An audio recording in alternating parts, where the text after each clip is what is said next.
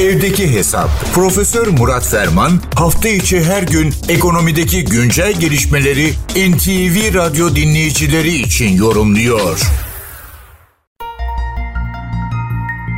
Hafta sonu dünya kamuoyunun gündemine Amerika kaynaklı bir bankacılık krizi adeta hükmetti.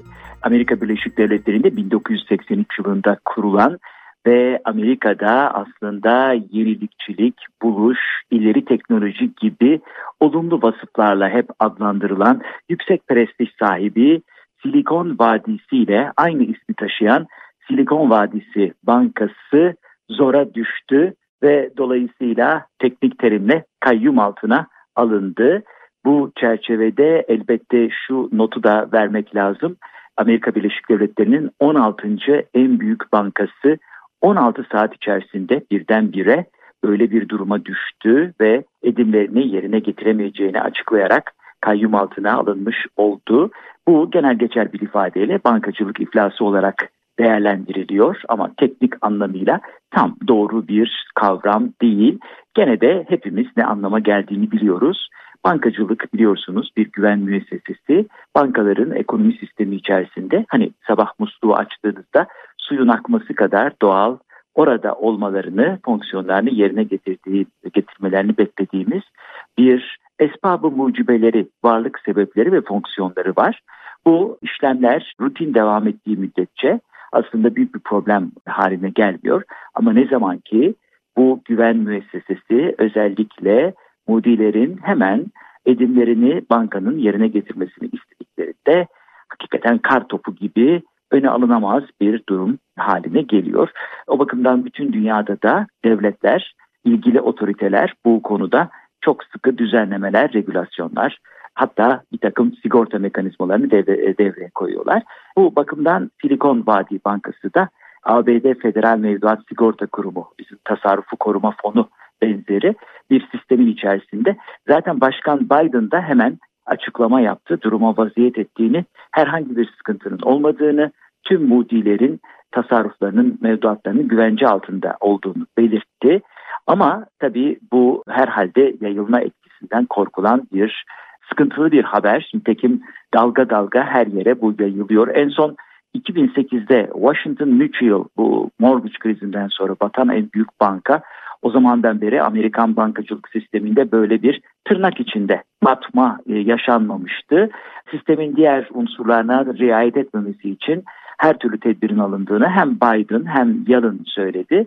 Tabii Amerika Birleşik Devletleri'nin e, mevcut müesses kurulu ekonomik düzen içerisindeki yeri ve doların rezerv parası olması dolayısıyla bu hakikaten bütün dünyada da yakından takip ediliyor.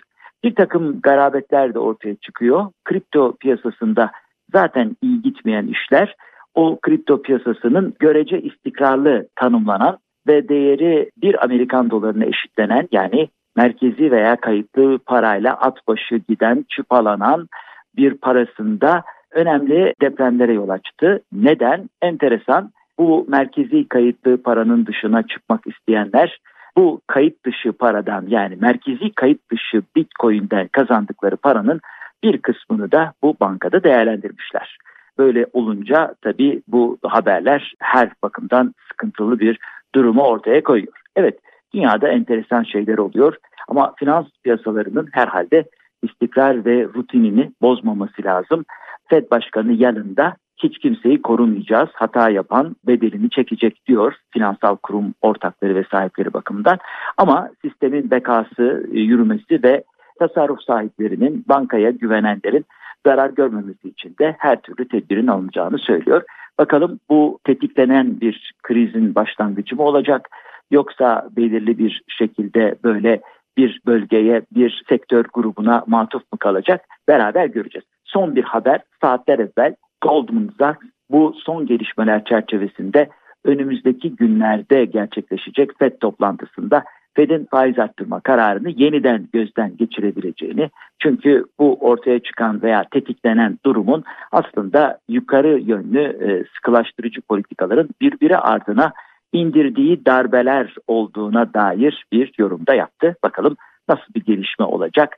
Bu suya atılan bir taş gibi halkalar böyle yayılıyor. o halkaların tsunami olmamasını hepimiz ümit ediyoruz.